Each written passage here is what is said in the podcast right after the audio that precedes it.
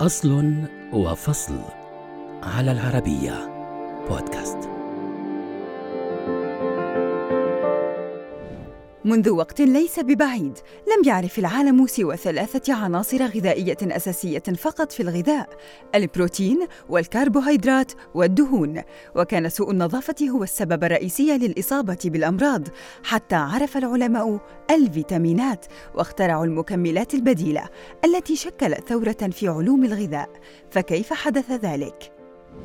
حتى بداية القرن العشرين لم يلاحظ الكثير من العلماء أن خلط الأرز مع الحبوب يؤدي إلى تدمير فيتامينات بي الحيوية ما يسبب ظهور القروح وتلف الأعصاب وأن تعقيم الحليب يدمر محتواه من فيتامين سي ما يسبب الإصابة بالإسقربوط. لكنهم فهموا أن نقص بعض المواد في الغذاء قد يسبب المرض وأن الطعام يحتوي على أكثر من ثلاثة عناصر غذائية سميت المواد الإضافية.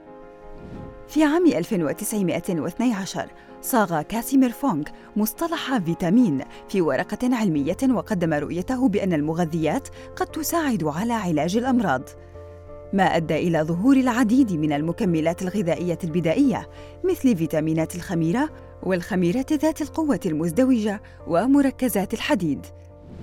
بالمقابل شهد عام 1916 تطوير أقراص Mastin's Yeast Vitamon لتحوي فيتامينات C B و A والحديد والكالسيوم و Nux Vomica وقدمت على أنها علاجات للحموضة المعوية والإمساك بالإضافة إلى دورها في تنقية الجلد وزيادة الطاقة واستخدمت كمقويات للمساعدة في زيادة الوزن في حالات الضعف بسبب سوء التغذية.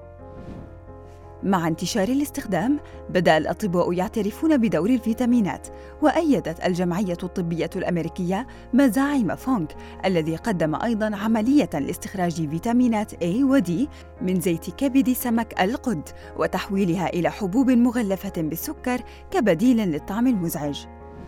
في عام 1941 رعت الحكومة الأمريكية تقديم أول بديل غذائي مجاني وهو منتج RDAs الذي كان يحوي ستة فيتامينات ومعدنين وذلك بعد التوصل لحقيقة أن ثلث الرجال الأمريكيين الذين تم استدعاؤهم للخدمة العسكرية أثناء الحرب العالمية الثانية كانوا يعانون من إعاقات مرتبطة بسوء التغذية.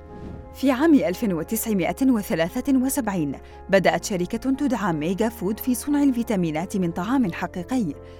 كما شهد عام 1984 انتشارا لمنتجات واسعة من الفيتامينات المتعددة مع الإنزيمات والأحماض الأمينية والأغذية الفائقة مثل حبوب لقاح النحل وعشب القمح وعشب الشعير وسبيرولينا اليوم وبعد مئة عام تغير الفهم العلمي لهذا المنتج الثوري وأصبح لدينا العديد من الخيارات حيث لم تعد الفيتامينات تأتي على شكل حبوب فقط بل قد تكون سوائل ومساحيق ومضغا وعلكة.